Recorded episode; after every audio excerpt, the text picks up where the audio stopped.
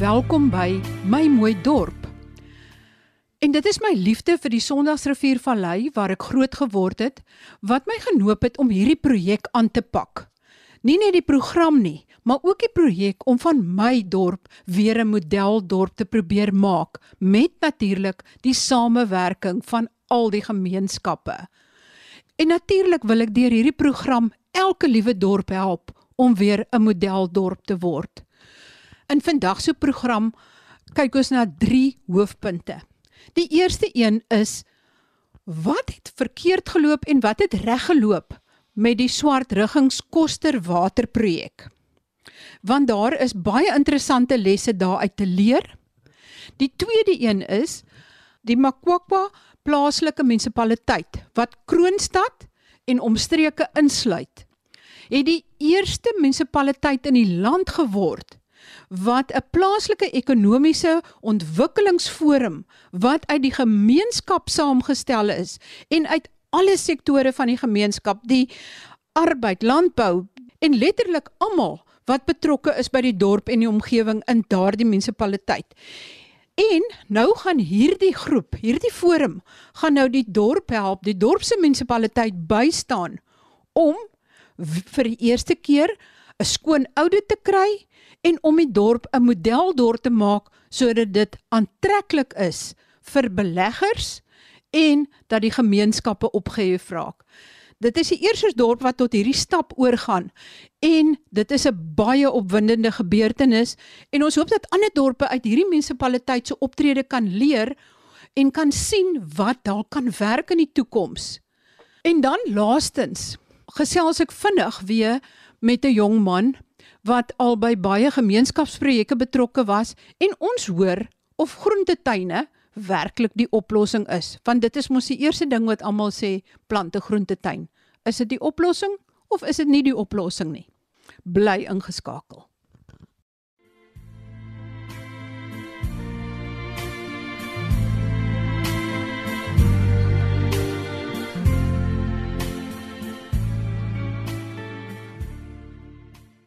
Die plaaslike munisipaliteit wat onder andere Koster en Swart Riggings bedien, was baie in die nuus. En ek het verlede week gesê ek gesels van dese week met een van die regsmense wat betrokke was by hierdie groot omwenteling wat plaasgevind het, want vir die eerste keer in die land het 'n hof uitspraak gegee dat die gemeenskap beheer kon oorneem van watervoorsiening nadat die munisipaliteit nie daaraan kon slaag om skoon en onbesoedelde water op 'n gereelde basis sonder onderbrekings aan die gemeenskappe te lewer nie. Hierdie hofbevel was tydelik, maar om dit permanent te maak, moes daar 'n samewerkingsooreenkoms gesluit word. En wat gebeur toe? Die prokureur en een van die mense betrokke oorhandig letterlik hulle reg om die water te bestuur weer terug en wel aan Magalies Water wat dit toe weer teruggee aan die munisipaliteit want die volgende oomblik kom al die munisipale werkers wat betrokke is by die watervoorsiening en waterwerke daag hulle by al die waterwerke op en jaag die mense wat deur die gemeenskap aangestel is om die werk te doen weg en binne 'n paar dae is daar weer dinge wat breek en stukkend gaan. Een van die groot drywers om weer skoon water aan hierdie gebiedens te lewer is Wilhelm Roscher. Hy verduidelik wat daar gebeur het dit is met skok wat ons agtergekom het wat Woensdag gebeur het wat verby is. Ons het hierdie aksie geloods en daar was vir ons 'n lig in die tonnel gewees omdat daar 'n samewerkingsooreenkoms gesluit moes gewees het tussen die inwoners van 'n dorp en die staatsfaktore wat daarbey betrokke is om hierdie hele proses ten minste weer reg gestruktureer te kan kry. Op die ou ene van die dag het dit gebeur dat die prokureur van Rekord en Karel Woensdag nag die besluit geneem gehad het om oordrag te gee van hierdie proses wat gevolg is. As ons kyk na die hofuitspraak wat aan ons gegee is wat 'n interim hofuitspraak was, moes sekere goed aan voldoen gewees het sodat dit 'n bevel kon geword het. Nêrenster was die aansoekers en of die prokureur ooit betrokke gewees om hierdie interim interdik 'n bevel te kan kry nie. Binne die vergaderings wat plaasgevind het, was daar heeltyd gesê dat die samewerkingsooreenkoms opgestel moet word sodat die gemeenskap kan sien hoe hy verskans gaan wees in hierdie hele oordragproses. Op die ou ene van die dag het sy en dit is die provinsiale persoon wat op kaart blanche verskyn het het in eie woorde gesê dat daar 'n PPP gestig sal word. En binne hierdie ding sou mos die gemeenskap gebeskerm gewees het. Woensdag aand 11:00 wat verby is, is die ondertekening gedoen vir oordrag. Nou in die lewe is dit nie te verstaane waar gaan ons heen gaan met oordrag en wat se sê het ons op die ouene van die dag nog nie. Ek dink hier's baie groot lesse geleer in hierdie hele proses. Hierdie uitspraak van hierdie saak ek dink 'n rigtingwyser van hoe dit sal kan uitgerol word in ander gebiede. En hier abdikeer ons langs die pad. So ek is bitter teleurgestel in hierdie hele proses. En dan wil ek net die nuus bring wat nou intussen tyd gebeur het, sedert hierdie waterwerke weer teruggegee is aan Magalies Water en eintlik aan die munisipaliteit. En dit is dat dat lede van Renaissance S gaan kyk het hoe hulle kan help om alles weer op dreef te bring. En 'n baie interessante wending het gebeur en dit is dat die munisipaliteit het eintlik weer vir die gemeenskap gevra om te help om skoon en onbesoedelde water te lewer. So die onderhandelinge is weer aan die gang en dit lyk of dit dalk 'n baie goeie samewerkingsooreenkoms nou tussen die munisipaliteit en die gemeenskap tot gevolg kan hê. Ek hou julle ook op hoogte van wat hier gebeur.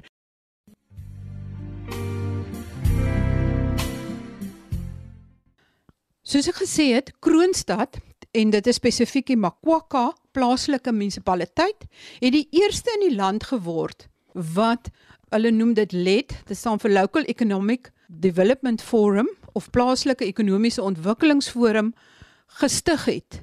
En hierdie forum sluit alle sektore en alle gemeenskappe in. En die hoofdoel is om werkskepping en goeie kwaliteit werkskepping te bevorder, om armoede te verlig, om die inkomste vir die munisipaliteit uit belasting te verhoog, om die plaaslike ekonomie te stabiliseer en om eintlik soort van deur insette van die hele gemeenskap die beste dienste moontlik te lewer. Een van die grootste dinge op die lys is natuurlik infrastruktuur, herstel en opgraderings en allerlei ander opgradering. Hierdie forum is donderdagoggend amptelik bekend gestel en geloods. 'n Eerste vir die land. Dalk is dit nou juis die model wat ander dorpe kan volg, want hier het al reeds baie positiewe dinge uitgesprei.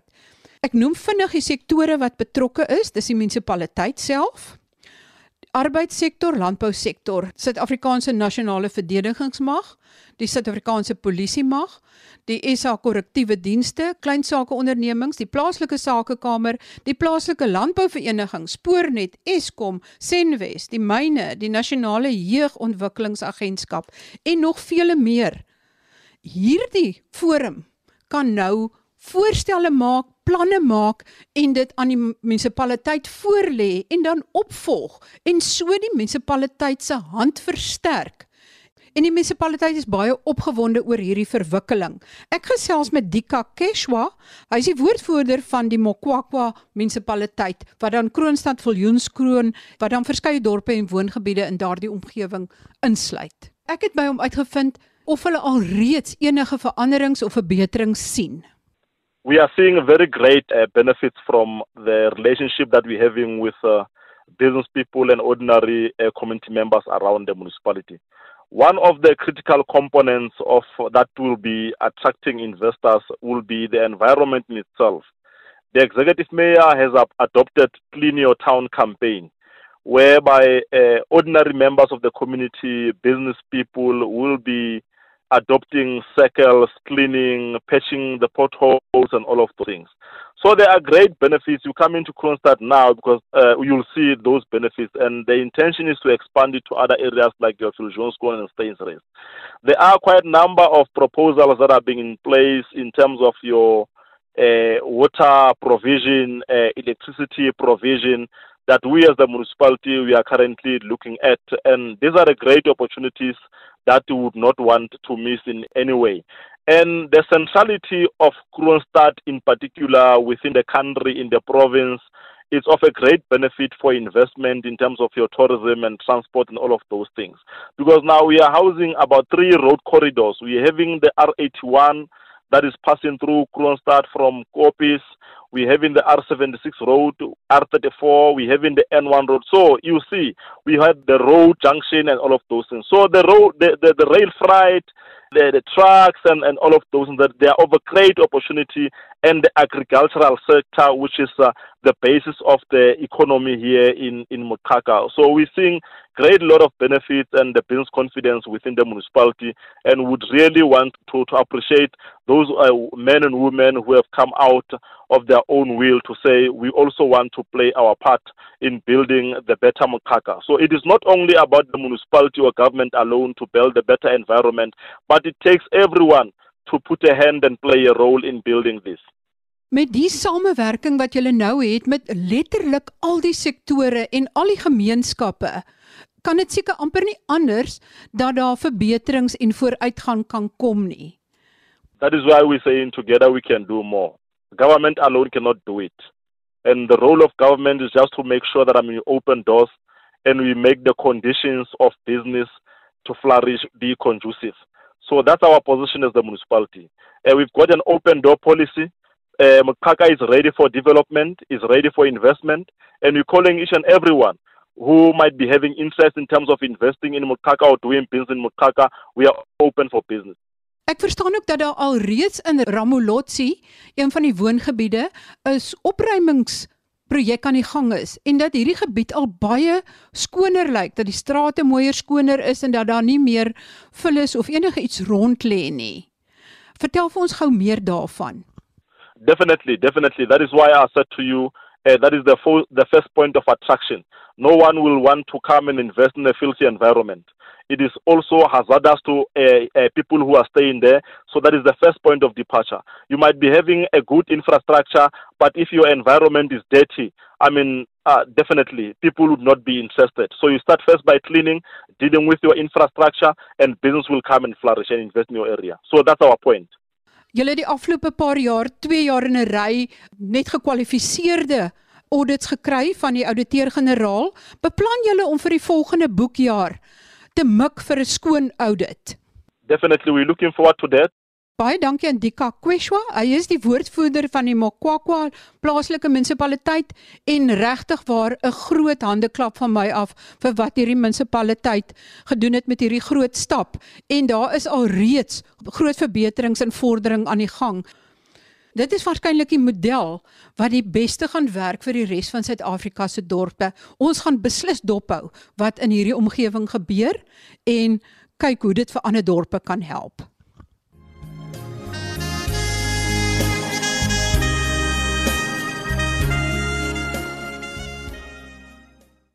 Ek gesels nou met John Pierre Du Plessis, 'n jong regsgeleerde wat nou by ID Technologies betrokke is en alles in die stryd werk om seker te maak dat projekte wat deur inwoners, gemeenskappe of dorpe aangepak word, ook ekonomies haalbaar kan wees en, en ook vriendelik vir die omgewing kan wees.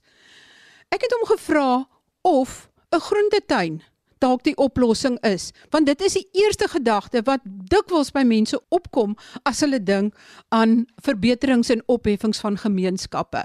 Hoor wat hy te sê het. Ja, maar kyk, ons het ehm um, self praktiese ondervinding met groentetuine en ek sal die eerste ding wat ek daarvan sal sê dit is dit is 'n moeilike model om reg te kry. Dit het natuurlik altyd 'n plek en ek dink die groot besef deesdae is ook met voedingswaarde is hoe kleiner jou waardeketting is. So as jy natuurlik kan groente kry van reg langs die skool om in jou voedingsskema te gebruik. Dis great en dit maak sin uit 'n omgewingsoogpunt uit. So as ons nou kyk na hierdie sogenaamde triple bottom line, so iets maak sin. Maar inherënt en dit is daar 'n klomp struikelblokke en goed wat mense aan moet dink. Natuurlik, jy moet mense oplei. Daar is 'n regeringsprogram wat miskien ander belangrolspelers ook het wat ons ook al agtergekom het. Wat ander belanghebbendes in hierdie program is. So die ding is altyd dis nie te sê dis 'n slegte idee nie, maar ons uitdaging is hoe maak ons dit sinvol? En natuurlik die groot vraag wat mense vir jouself moet afvra in sosiale impak is is dit die mees impakvolste ding wat ek kan doen? So op die einde van die dag kan jy miskien 200 000 rand op 'n groentetuin gaan spandeer, maar dit kon 'n groter impak gehad het om 3 studente vir 2 jaar universiteit toe te stuur. So mense moet regtig gaan dink oor die probleem wat jy probeer oplos en dit sal natuurlik vir jou ook lei na jou oplossing toe. En dan natuurlik met groentetuine, ons worstel self baie met hierdie probleem. So wat ons baie aan dink is hoe kry jy ander waarde? En ek dink die wêreld beweeg ook na hierdie konsep nou van co-benefits. Hoe skep jy modelle wat holistiese benadering volg? So jy kyk nie net na voedingswaarde nie, maar jy kyk na kan daar 'n carbon benefit wees ook daarin en ek dit is my en Wian se passie op hierdie stadium is om te kyk na modelle of dit nou finansiering is of sogenaamde carbon credits om dit te skep om projekte wat moontlik nie finansiëel volstandig sou kon wees op hulle eie nie om hierdie tipe waarde by te voeg en te sê, weet jy wat, ons gaan indringerbome gaan afkap ook en daarvan biochar maak en jy kan my kontak om te gesels oor biochar. Ek dink ons het tyd om dit nou eintlik alles te bespreek, maar hierdie tipe metodologie of natuurlik ook om afval te gebruik om um, om gas op te wek en dan daai sogenaamde digester te gebruik as 'n fertilizer of 'n bemestingsstof in jou tuin, dan kan jy moontlik daai groentetuin wat voorheen nie sinvol was uit 'n finansiële oogpunt nie, sinvol maak deur sogenaamde innovative financing methods toe te pas en nuwe tipe finansiering te ontsluit. So ek dink daaroor is daar ongelooflik baie um, inligting en weer eens dit is die, die tipe as jy belangstel in Coursera en die UCT se Bertha Center doen baie goeie werk hier rondom wat vir jou baie inligting daar kan gee en ek moet ook ehm um, erkenning gee aan een van my mentors, Rihanna Rousseau wat 'n organisasie het Next Generation Consultants. Sy skryf elke jaar 'n verslag oor impact trends. So as jy belangstel in impak uit 'n Suid-Afrikaanse oogpunt, is dit 'n baie goeie hulpbron ook om te benader en, en te gaan lees. As as jy wil weet wat werk en wat sy spesifiek doen is om te gaan kyk na wat werk en wat werk nie in die impakveld in Suid-Afrika nie. So kom ons aan die einde van vandag se program.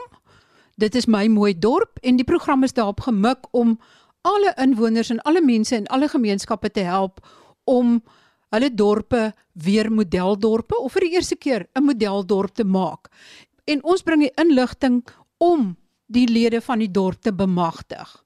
Julle het dan vandag geluister na wat verkeerd geloop het by Koster swart riggings nadat dit eers 'n groot oorwinning was en toe basiese applikasie en daar is nou weer lig in die tonnel want daar gaan nou samewerking wees tussen die gemeenskap en die munisipaliteit.